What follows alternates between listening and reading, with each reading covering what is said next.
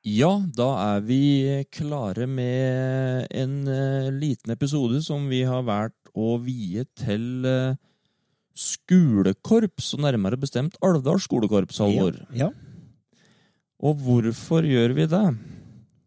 det er jo litt for da at eh, skolekorps og korpsbevegelsen trenger jo framsnakk. Det er jo eh, det er jo et lim i uh, musikklivet i egentlig hele Norge. Det er jo noe som har eksistert i mange, mange, mange, mange, mange, mange år. Ja.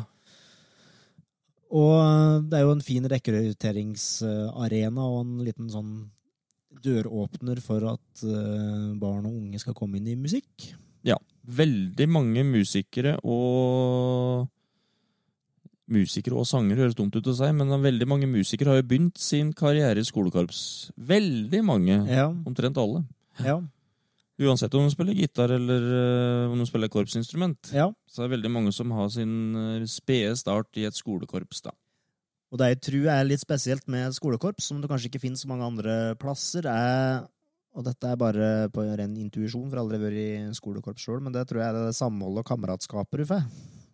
Det er å kunne Ja, vi vet nå åssen det er å spille i band sånn, begge to, og det å liksom kunne få til noe sammen og føle at en er ja, sammen om å skape noe som eh, forhåpentligvis blir veldig bra, da. Ja. Det er, vi snakker jo ofte om eh, lagfølelsen i idrett, Mm. eh, og den har vi òg begge kjent på. Og jeg har kjent på den akkurat samme følelsen får du i et korps. Og det sikkert mange i eh, idretten som ikke har spilt noe instrument, som syns det høres rart ut, men akkurat sånn er det. Ja. For at du starter med et La oss si at du starter med et nytt musikkstykke da, på innøving. Og da lät det litt sånn at uh, ingen har teknikk med bollen, for å si det sånn. Mm. Og et, jo mer vi øver på et stykke, altså jo mer vi trener, jo bedre blir det, og til slutt så blir det veldig godt i sjølve kampen, da, for å Hvis en skal sammenligne det med litt sånn idrettsterminologi. Ja, også, men i motsetning til idrett, da, så tror jeg at uh, Si hvis du er to spisser da, på et fotballag, så blir det fort at du konkurrerer mot Ja, ja. hverandre. Mm. Mens i et eh, korps eller et band, når du spiller som instrument, så må du jo Du blir ikke god uten at den andre er god. Og så må du utfylle hverandre hele tida. Ja. Ja. Sånn er jo idretten òg, men det er fort, Ja da. Ja, da. fort gjort en litt annen tankegang når du er i et sånn konkurranseprega miljø enn i et eh, Ja. Kreativt skapende miljø, da, hvis Ja. en skal kalle det det. Men det er som sagt veldig mye likheter mellom idrett og det å, å spille sammen med andre. Ja. Så det var litt av poenget var jo å få fram uh, at uh, du lærer mye av det. Men klart uh, Vi sa jo at det var litt nedadgående i Korps-Norge, og i Alvdal skolekorps er jo nå er de rundt. Og det skal vi litt senere i sendinga få høre noen fra styret i skolekorpset prate om. Men eh, det er jo veldig få. Det er, vi er vel eh, et av Norges aller, aller minste skolekorps, vil jeg anta. ja. Så det, det trengs eh, rekruttering der, det trengs flere musikanter. Men det er ikke første gang Alvdal har løgget litt med brukket rygg når det gjelder skolekorps. Når jeg begynte å spille i skolekorpset når jeg var 11-12 eller noe sånt, tenker jeg, så hadde det ikke vært skolekorps en eller to eller tre år. Dette kan sikkert fattern arrestere meg på. Mm. Men da begynte de på igjen, og så og så ble det korps, og da husker jeg vi en, en stund vi var 13 stykker. Jeg mener det antallet sitter ganske godt. Og så bygde det seg opp, og så bygde det seg opp, og så bygde det seg opp. Og når når Erik Hjelten eh, hadde det på 90-tallet, så var vi over 40 igjen. Ja. Og så datt det ned. Og så begynte jeg på igjen litt med korps når jeg, eh, når jeg kom flyttende til bygda, og da tror jeg vi var fire skolekorpsmusikanter. Så da hadde vi alltid med oss voksne. da. Ja, sånn har det vært litt av det senere tid òg. Det var vel Mm. 2015-2016, da Magnus Mulligen var. Da var han vel fire da òg. Så da, og nå har det løgget Nei, etter, Jon, la oss si at et, etter Hjelten Ja. så har det på en måte ikke bygd seg opp på de høydene. For på 80-tallet så var de jo fem, over 50 i hovedkorps og 20 i aspiranten, liksom. Det er, men klart, at vi kommer tilbake dit, det vel, skal vel nå til. Men Ja, Vi skal se litt mer på historia åt skolekorpset skolekorps og guttemusikken, som det het i starten, litt Ja. senere i sendinga. Men Ja eh, du som har vært innblandet i dette i eh, hele livet, egentlig, hva tror du eh, Eller for å si det sånn, hva tror du ble gjort før, når det var mye medlemmer som gjorde at den var så mange? Og hva tror hun kan gjøre, for det er jo annen tid nå, og hva tror hun kan gjøre annerledes, da, hvis du kan se på det litt i et fugleperspektiv? ja, hadde jeg hatt svaret på det, så tror jeg jeg var ansatt i NMF, Norges Musikkorps Forbund, gitt. Ja. For det uh, Dette har vi klødd oss mye i huet på når jeg både har vært med i litt styre og stell her og forskjellig og sånn, men eh, Nei, det, det som er litt utfordrende med å spille et instrument, og det vet alle som spiller et instrument, at uansett hva slags instrument, er at uh, du må øve mye. Og det gjelder òg igjen i alt du skal bli god i, må du øve og trene mye på. ikke sant? Det Ja. gjelder skole, idrett, korps, mus alt. Og jeg tror det er noen ting som gjør kanskje at det er lettere nå enn før å gi opp. At uh, kanskje foreldrene før var litt harde på du må stå lenger tid, og når du klart da begynner å lykkes etter hvert, så blir det morsomt òg.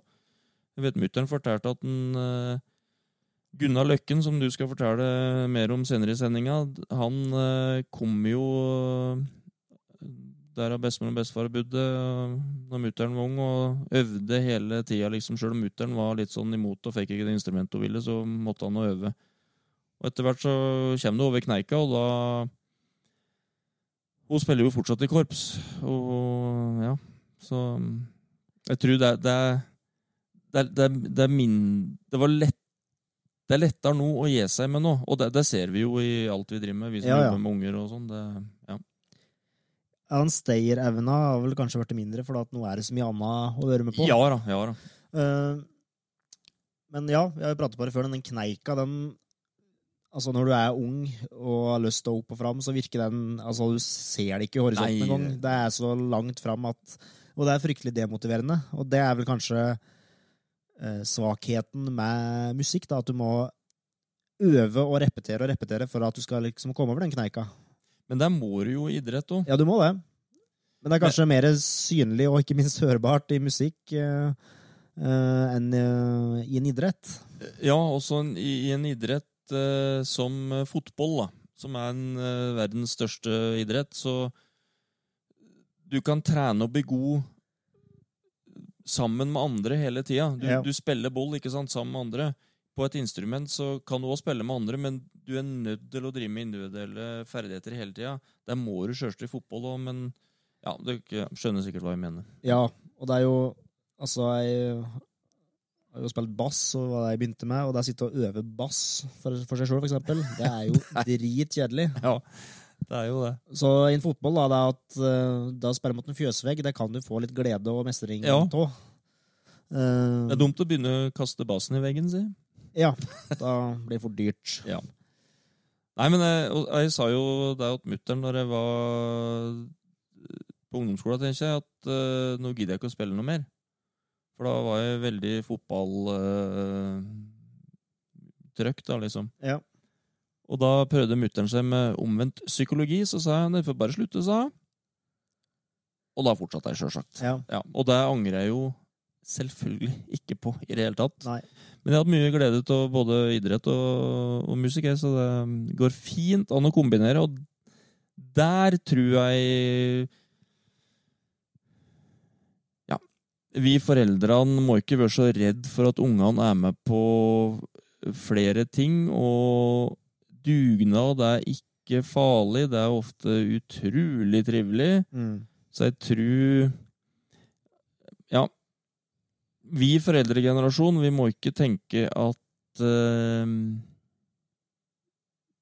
At vi blir så sliten av at ungene er med på ting. Nei. Men litt tilbake til uh, utvikling. Det er vel kanskje på repertoaret mer nå Før så var det sikkert veldig mye sånn tradisjonelle marsjer og ting som var Å, ja. skrevet for uh, korps og janitsjar, mens nå er det kanskje mer filmmusikk og ja, kanskje TV-spillmusikk og mer eh, at det er litt mer tilrettelagt for generasjonene nå, da, kanskje. Absolutt. Du har jo noen komponister da, vet, som skriver veldig mye for skolekorps av de eh, nye låter som kommer ut uh, på VG-lista eller gjennom uh, Melodi Grand Prix eller blåse, eller alt som er populært blant ungdommen. Ja. De, de, Gudim, for eksempel, skriver uh, veldig mye, og Torskanger-Poll, ja. to komponister, de skriver Da er det ute omtrent dagen etterpå et korpsarrangement i et sånn som er greit å spille for et skolekorps, og Ja. som læt eh, greit, liksom. Så det er mye mer sånn populærmusikk. Ikke høres 150 år ut, men populærmusikken Det er mye mer ute til deg nå. Så det- gjør det jo sikkert mye mer givende å sitte i korpset nå enn det var for noen år siden. altså. Han Torskangerpoll har vært sånn julenavn for meg. Den, han går alltid att når vi, har, vi synger og spiller jula inn. Så når Ja. skolekorpset Ja. skal spille, så er han alltid med i programmet. Ja, han eh, skriver veldig produktiv, altså. Ja. Men det var jo der, vet du, på 90-tallet, når det ikke Torskangerpoll Torskanger-Poll drev på så mye, så eh, Jon Erik her skrev jo så vanvittig mye arrangementer for skolekorpset sjøl, vet du. Ja. Og arrangerte eh, låter som var på en måte litt mer eh, likt av unge og ungdom, da. ja. Og det gjorde jo at ungene var med, ikke sant?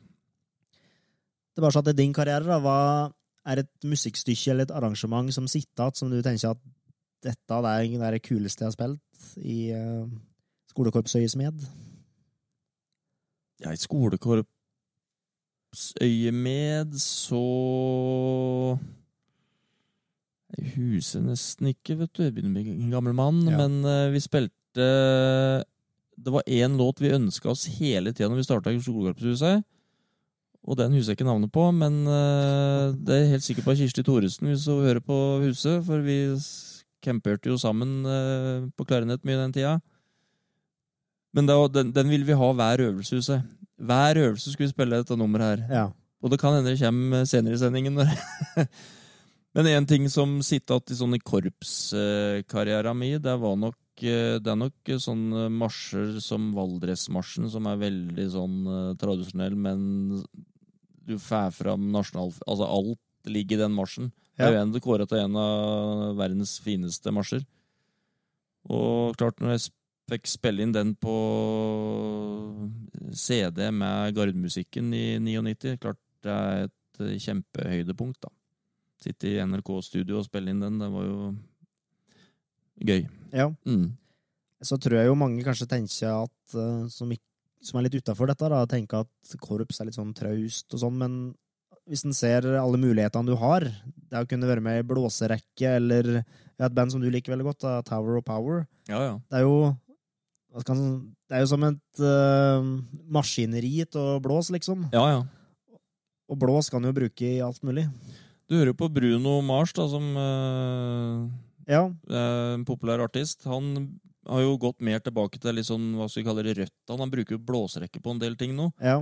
Og det er jo, folk elsker jo det, men det er ikke sikkert de tenker på at det faktisk er blåserekka. vet du. Nei. Men vi som driver med det, vi hører jo at det er blåserekke her som uh, bare mater på, men uh, så klart Ja, jeg tror det kan hende at folk vet mindre og mindre om musikk, kanskje. Derfor de ikke tenker noe på det og har ikke gått i korps eller sånn sjøl og ser liksom Ser det ikke rundt seg. Det er jo rundt oss hele tida, på en måte. det. Uten å høres for filosofisk ut. Utfordringa er jo at det er så mye av det nå, så det er litt som du sier, at du tenker kanskje ikke over at det... å, på den låta var det blås. Ja. Du, ja, nei. Du har jo musikk Tilgangen til musikk er jo så stor at eh, det er helt vanvittig. Ja, han er det. Men det, det er så, vi hører jo sånt, da, vet du. Men uh, ja. Så har nok dette forandra seg, for at jeg og du da, for eksempel, kan jo sitte og se at ja, han, han eh, saksofonisten er med på den og den låta.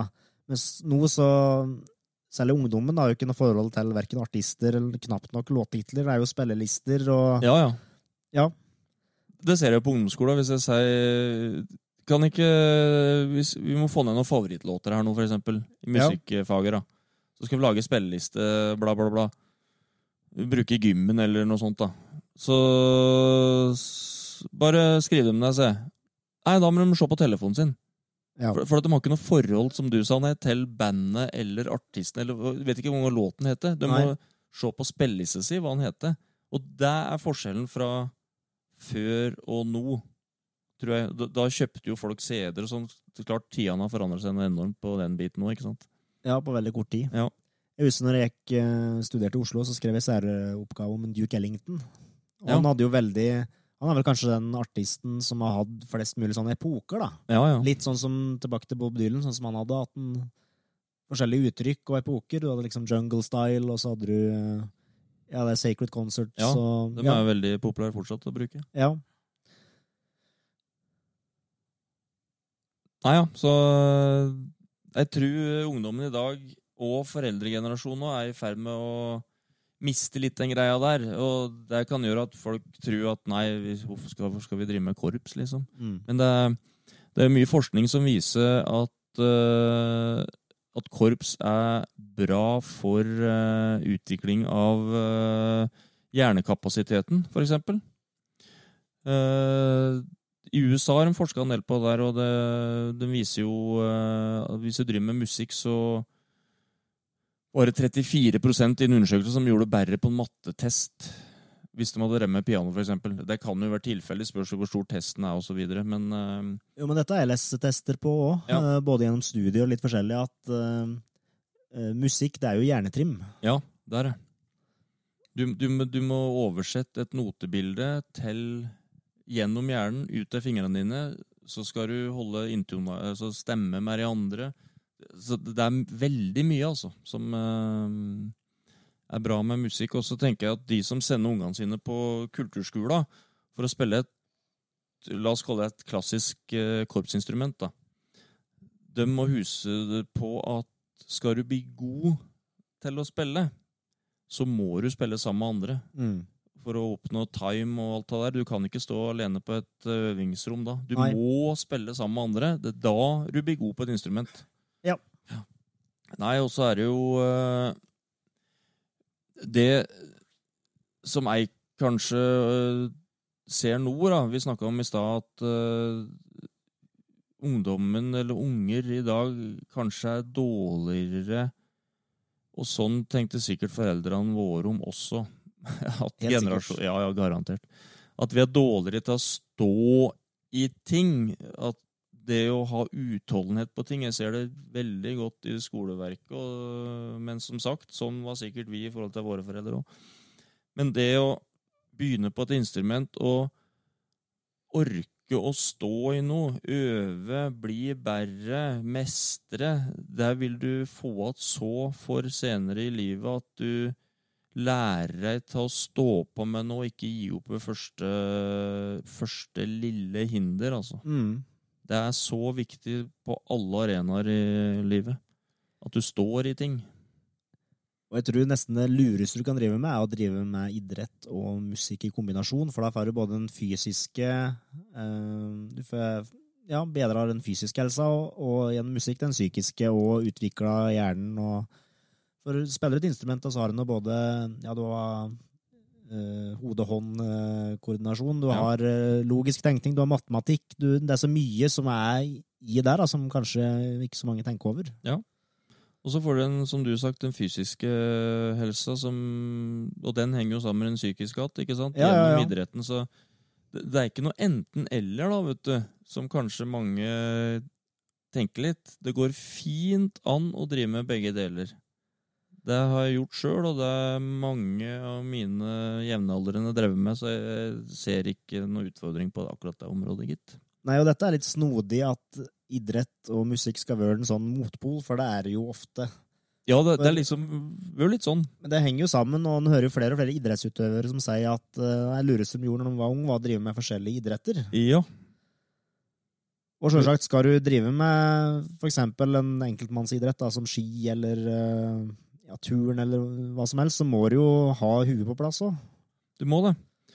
Og så det er igjen å lære seg å stå i ting. Når, når det går tungt, uh, uansett hvor i livet på idrettsbanen, det, du har funnet ut at å stå i ting, da blir det bedre etter hvert. Ja. Det er en så viktig lærdom, altså.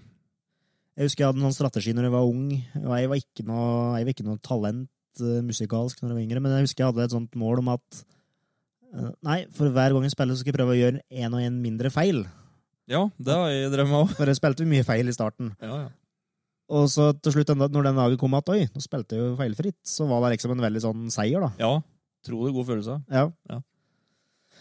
Og så, ja Og kanskje en oppfordring både til ja, de som driver med idrett og musikk, at uh, ikke ta ting så seriøst. For at det er jo ikke Veien blir litt til mens den går, da. Og du må, sånn ellers i livet, og du må jo gjøre masse feil for at du skal lære noe av det. Ja da. Du lærer jo ikke noe av å, å gjøre bra ting, egentlig. Nei, nei, men altså Du er nødt til å møte på utfordringer. Ja, Og, og orke å stå i dem i stedet for å bare ta minste motstandsveier. Og, ja, men der har vi voksne, og vi har jo blitt litt sånn generasjonen vår òg, at vi Ja, men hvorfor har det blitt sånn at vi ikke står så mye ting kanskje som vi gjorde før? Har det med altså Det er jo hele samfunnet som er det. Nå, nå er- begynner vi å bevege oss langt bort fra korpsat, merker jeg, men uh... Elvasbotn med Simen og Halvor. Men før vi slipper til de unge håpefulle, så tenkte jeg at eh, jeg kunne fortelle litt om eh, korpsets historie i Alvdal. For de har vært gjennom eh, mange forandringer og utviklinger gjennom tida. Over mange, mange år. Så her kommer litt om det. Se for deg en 17. mai uten korpsmusikk. Se for deg Garden uten gardeorkesteret. Hadde ikke det vært utrolig stusslig? Da Hornmusikkforeninga i Lilleelvdalen ble starta i 1894, representerte den noe nytt i bygda. Denne foreninga, som har skifta navn flere ganger, var en stor og viktig del av bygdas kulturliv i over 100 år. Vi må regne med at mange i Alvdal på den tida ikke hadde hørt et hornorkester tidligere. På etterjulsvinteren 1894 ble det holdt en ungdomsfest på Nyegga.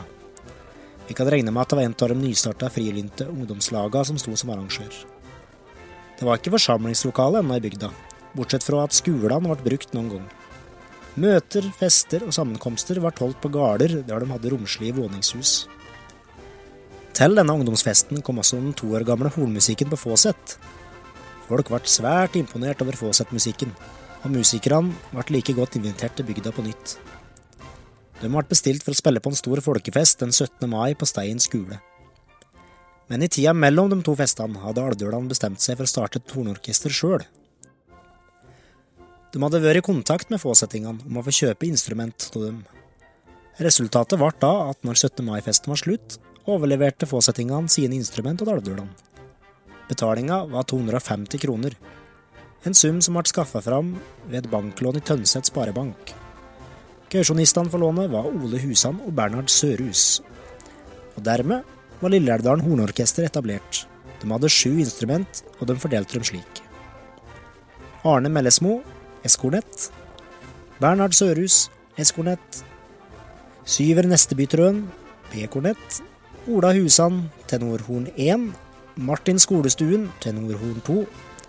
Ole O. Valromoen, althorn. Og Johannes Lieng, tuba.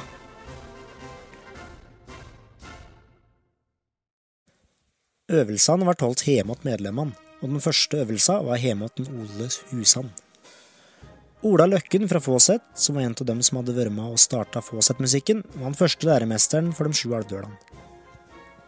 Han lærte dem litt om noter, og han hjalp dem med de første tekniske finessene. Medlemmene la for dagen en upåklagelig interesse. Den første uka hadde de øvelser hver kveld i husene. Senere gikk dette på omgang. Medlemmene var svært iherdige, og allerede høsten 1894 begynte de å opptre offentlig.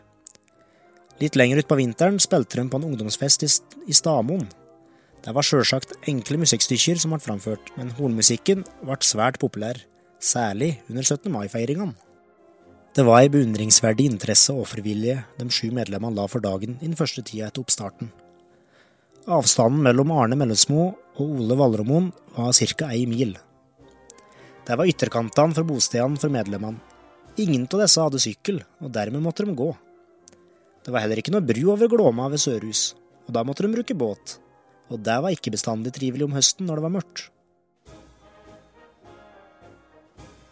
I løpet av starten på 1900-tallet hadde hornmusikken både opp- og nedsvingninger, og nå spoler vi fram noen år. I de vanskelige 1930-åra var rekrutteringa et problem lenge. Økonomien var òg dårlig. Medlemmene hadde vært med på stevner helt fram til 1937, men til forbundets stevne på Rena det året hadde de ikke råd til å reise. Men de hadde kjøpt inn notene til fellesnumra, og de hadde til og med øvd dem inn. I 1938 diskuterte de navneendring, og det ble vedtatt at de skulle endre navnet fra det litt tunge Alvdal Hornmusikkforening til Alvdal Hornmusikk. Første pinsedag var stormønstring av sang- og musikklag i bygda. For første gang ble Sangen og musikkens dag arrangert i Alvdal. Disse kora og orkestra deltok på konserten. Alvdal Arbeiderpartis hornmusikk, Alvdal mannskor, Strand Songlag, Alvdal kirkekor, Alvdal hornmusikk, Alvdal arbeidersangkor og Alvdal orkester. Konserten ble gjentatt på Meierisalen, og inntekta av begge konsertene gikk til bygdeboka. Våren 1940 kom verdenskrigen òg til Norge, og i fem år ble det ingen marsjering foran 17. mai-toget. Men utpå høsten 1940 kom øvelsene i gang igjen. Gjennom mesteparten av 30-åra hadde det vært to hornorkestre i bygda. Det var ingen lett sak å drive to korps i bygda på samme tid. Det var stadig vekk mangel på penger. I årsmeldinga for 1939 er kassabeholdninga på bare 0,76 kroner, men mange støtta aktiviteten. For eksempel stilte Ola Randmæl øvingslokalet til disposisjon gratis gjennom ti år. I løpet av 1941 ble det interesse for å samarbeide mer med Alvdal Arbeiderpartis hornmusikk. Og etter en felles opptreden sommeren 1941 ble en sammenslutning drøfta i et felles møte. Det skal ha vært delte meninger om å slå sammen, men i et nytt møte den 5. august 1942 ble det enstemmig vedtatt å gå sammen i et korps. Navnet ble Alvdal Hornorkester. Dirigent ble Gunnar Løkken, som hadde dirigert Alvdal Arbeiderpartis hornorkester. Nå fikk hornorkesteret plutselig langt flere medlemmer enn noen av de to tidligere orkestrene noensinne hadde hatt. Det ble fart i konsertvirksomheten, med arrangement bare med noen måneders mellomrom. En sentral skikkelse, som jeg nevnte i stad, var han Gunnar Løkken. Gunnar Løkken var født i 1907 og døde i 1992. Han var med i korpset i over 54 år. I 44 år hadde han dirigert korps i bygda. Først dirigerte han Alvdal Arbeiderpartis hornmusikk i de første ti åra dette korpset besto, og dermed dirigerte han Alvdal Janitsjarkorps i 34 år. Han begynte som kornetist i korpset i 1922. I yngre dager var han òg med i Alvdal Orkester, der han i tur og orden spilte fiolin, kornett og kontrabass, og det med stor ferdighet, fortelles det. Fra 1955 til 1977 ledet han nå Alvdal Guttemusikkorps. I denne perioden lærte han opp 160 unge musikere. I 38 år ledet han to korps, og i åtte år hele tre korps. Fra 1940 til 1964 var han nå leder av Folldal Janitsjarkorps. Alt dette foregikk på fritida. Det er vanskelig å forestille seg hvilken stor arbeidsinnsats som Gunnar Løkken gjorde for musikklivet, uten økonomisk godtgjørelse av betydning. Han gjorde et grunnleggende kulturelt arbeid i bygda. I 1977 fikk han Kongens fortjenestemedalje for denne innsatsen. Og så tar historia oss fram til opprettelsen av Alvdal guttemusikkorps. Formålet med å starte et guttemusikkorps i Alvdal var ikke først og fremst å skaffe marsjmusikk til barnetoget og folketoget den 17. mai. Formålet var rekruttering til Alvdal janitsjarkorps. Medlemmene av dette korpset så at rekrutteringa kunne bli problematisk fordi samfunnssituasjonen var blitt annerledes etter verdenskrigen. Mange reiste ut på skole og ble derfor borte fra bygda. Andre reiste fra bygda for å skaffe seg jobb. Dermed tok Alvdal janitsjarkorps initiativet til å starte en guttemusikk. Den 14. juni 1955 ble det holdt konstituerende møte i Alvdal guttemusikkorps med 14 personer til stelle. Den første oppgaven var å skaffe instrument. Etter en kort stund foreslo de et tilbud fra musikkhandler Farre om en besetning på 30 instrument. Disse instrumentene kosta 12 000 kroner. Det tilsvarte ei årslønn til en meget dyktig skogsarbeider på den tida. Det var en Gunnar Løkken som òg den gangen tok på seg et kjempearbeid. Da instrumentene var kommet til bygda og de ble fordelt på de unge talentene, gikk en straks i gang med notelære og stemmeøving. Og allerede året etter, 1956, spilte korpset under 17. mai-feiringa. De spilte ikke mens de marsjerte i toget. Til det hadde de ikke nok trening ennå. Men de deltok òg på Sangen og musikkens dag en måned senere. Navnet ble altså Alvdal guttemusikkorps, sjøl om det var tre jenter med fra starten. Disse tre jentene var Olaug Andresen klarinett, Liv Kristiansen på B-kornett og Else Aasheim på klarinett. Etter hvert kom det mange jenter med, men det skulle gå mange år før korpset skifta navn. Først i 1978 ble navnet forandra til Alvdal skolekorps. Musikken du har fått hørt nå, er Forsvarets musikkorps med Norge i rødt, hvitt og blått, Bergens musikkorps med Luftforsvarets parademarsj, Alvdal Tynset Janitsjarkorps under ledelse av Nils Graftås med låta Fanfare og Call to the Post, og Aldar Tynset Janitsjarkorps med Hennepin County Dawn. Informasjon til eh, det jeg har fortalt, er henta ifra Leif Braseths i bok 'Fra sullabenk til rockefot'.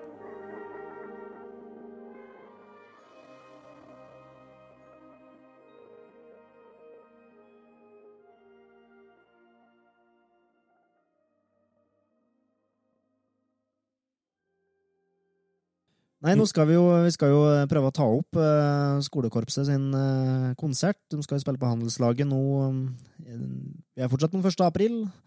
Dette er ikke Apels, Aprilsnarr. De Nei. skal spille eh, på Handelslaget. Det var vel egentlig tenkt at de skulle spille utafor Huldra, men eh, det ble flytta inn på Handelslaget pga. temperaturene. Ja. Og nå var det vel ørlite snakk om eh, det ble utekonsert likevel, men det finner vi ut etterpå. Men vi skal i hvert fall gjøre et opptak av litt av der de spiller. Så det blir spennende. Så det får dere høre litt senere i sendingen. da. Ja. Så skal vi jo prate med Nøren av dem som er med i skolekorpset. Det skal vi, pluss Nøren i styre og stell. Ja, Og det kan jo hende vi får en kommentar til Nøren som er på konsert nå. Hvem vet? Vi Ja. får se litt. veien blir til mens man går. Ja.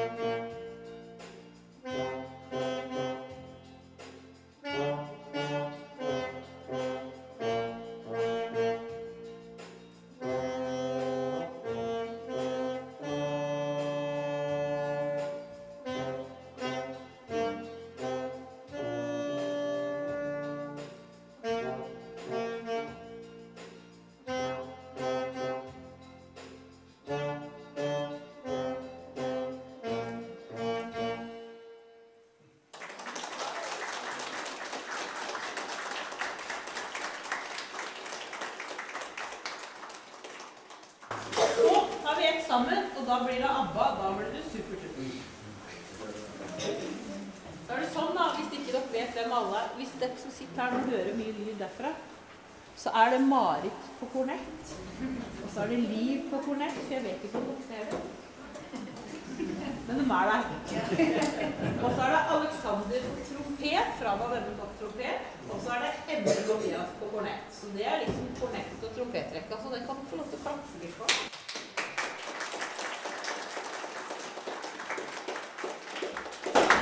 Og så har vi saksrekka, og da er det jo eh, Ole Mathias. spille både tenorsaks og altsaks. Og så er det Lilly på altsaks, Mina på altsaks og Hedda på altsaks.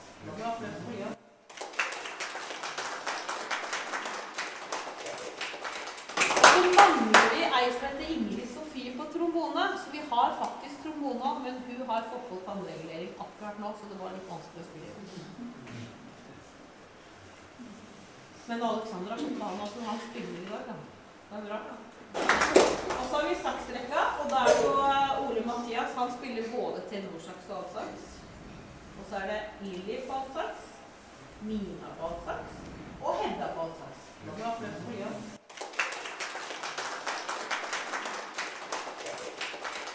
Så mangler vi ei som heter Ingrid Sofie på trombone. Så vi har faktisk trombone, men hun har fått på tannregulering akkurat nå, så det var litt vanskelig å spille. Men Alexander har fått han også, han spiller i dag, da. Det er bra, da. Så er det Tobias på baryton.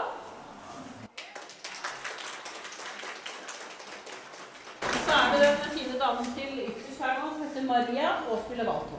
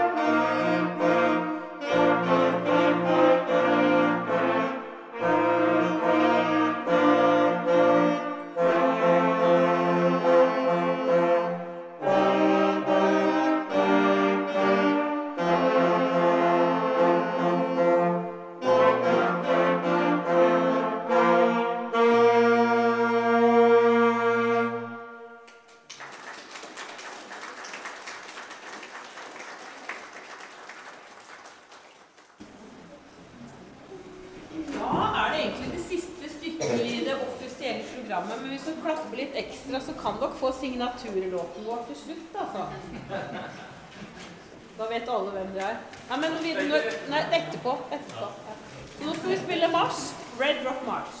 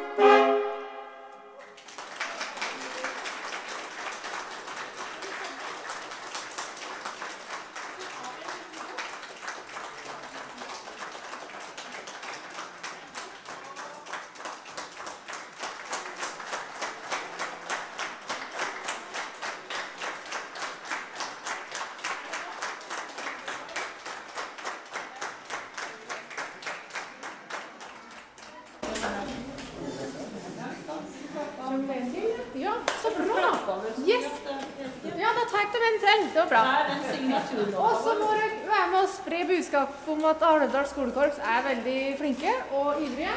Og streng med medlemmer. Og gjerne tromme. Det hørte jeg at jeg hadde lyst til å ha nå. Så finn dere en trommis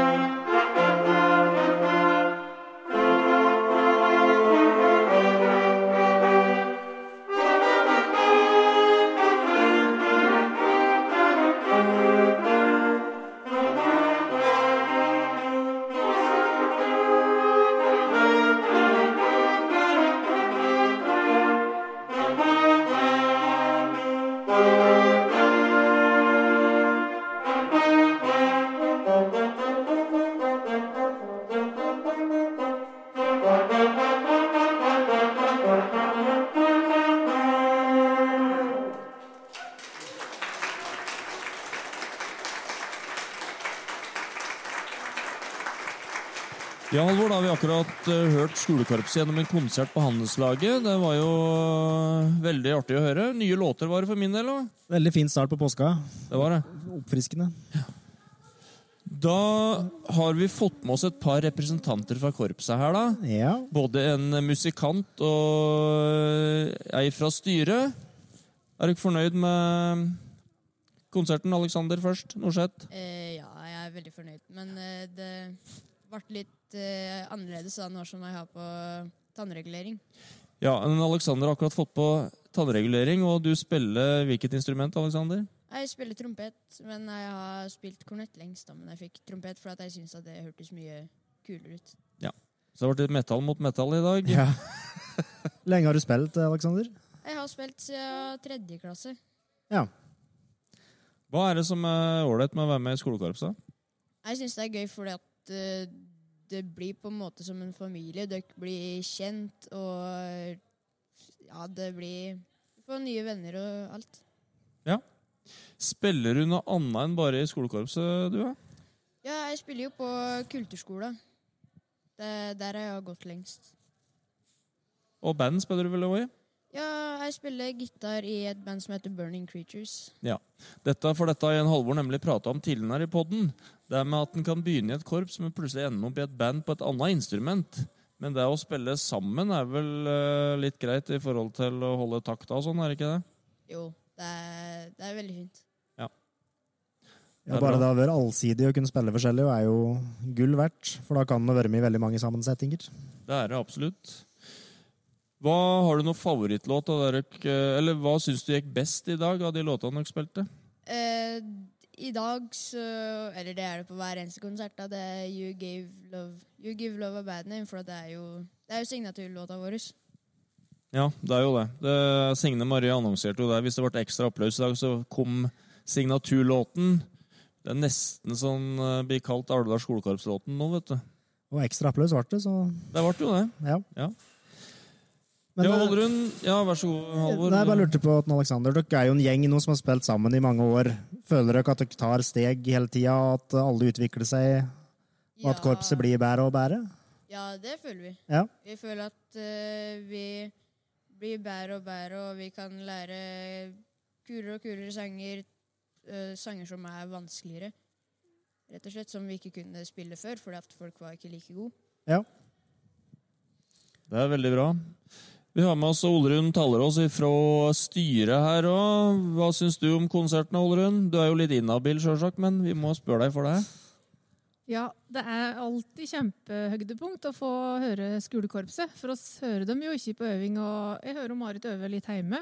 Men å få den samspillet, det er kjempeartig. Og jeg blir imponert hver gang, for det er så mye fine låter.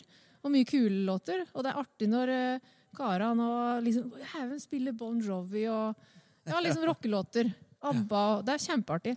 Ja. Og det er jo så fin eh, lyd. Tydelig og gode og samspilte unger som de koser seg veldig òg. Det er stort å få være på konsert.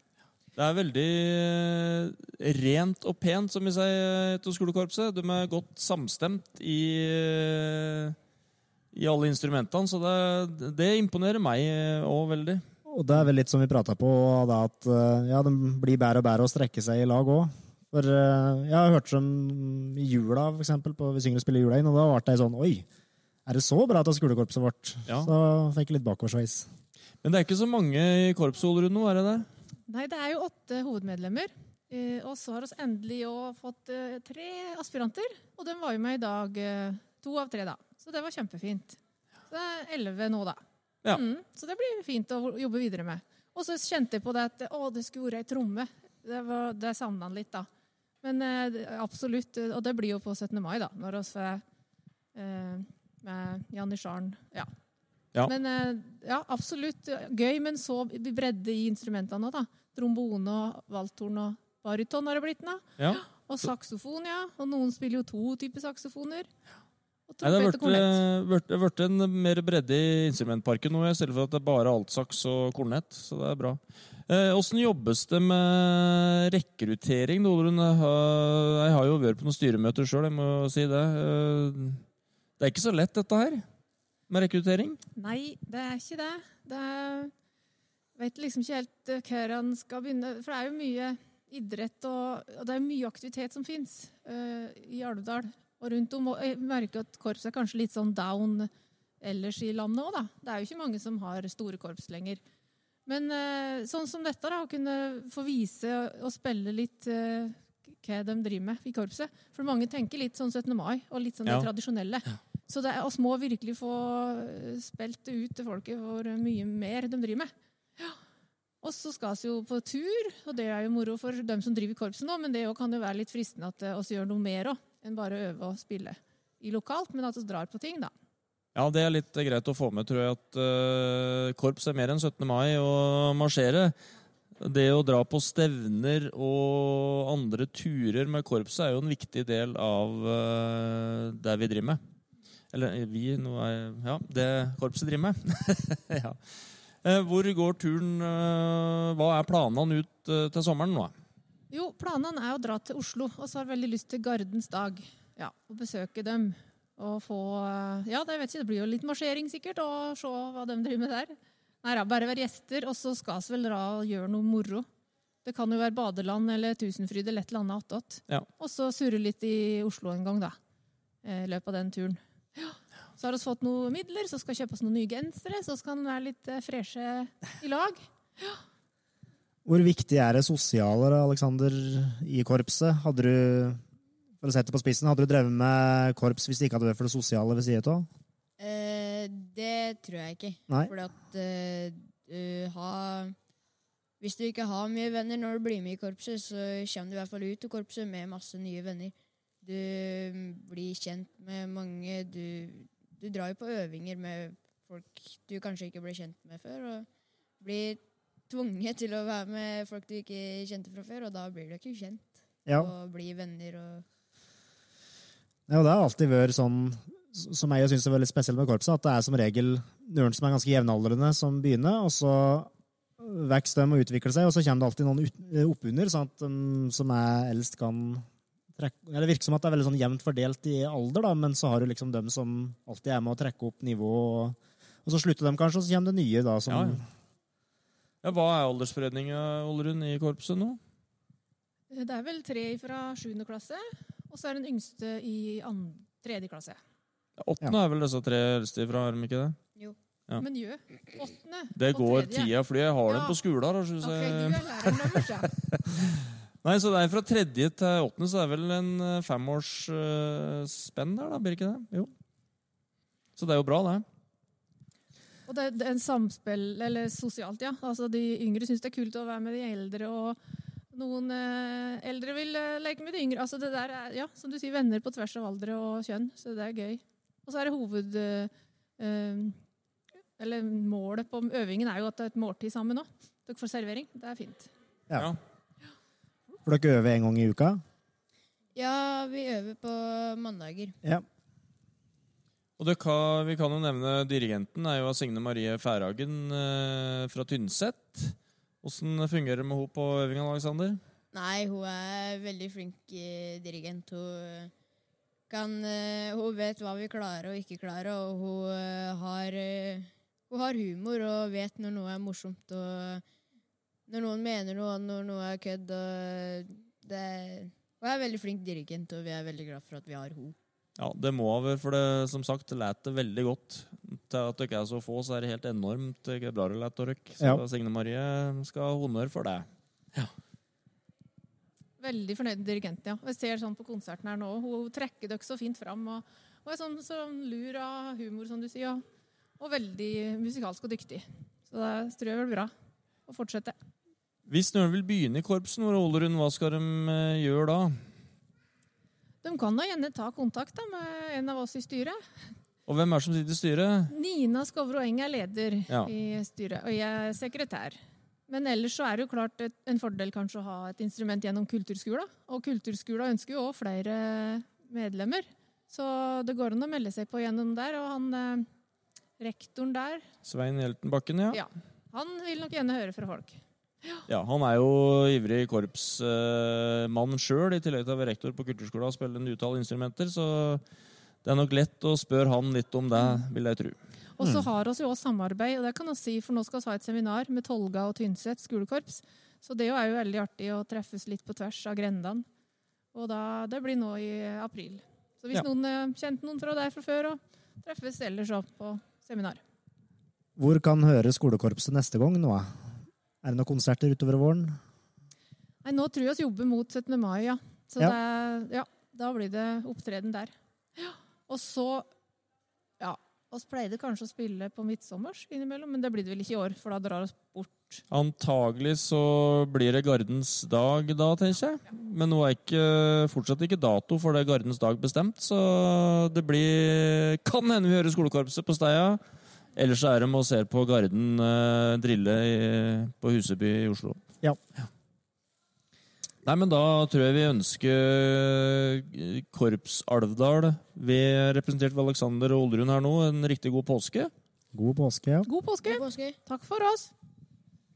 Fra Eidsvoll med frigjøringsverket, til Hamar med domkirkeruinene, frem til, til, til Elverum med klesfengselet, til Rena med kartongfabrikken, til Koppang med togbytte og 20 minutters opphold i restaurant, til fingerens danse på den ørvesle fluelorten som heter Alvdal, som ikke har noen ting de vet om, kanskje. Men én ting vet de vi har. Alvdalsbotn med Simen og Halvor.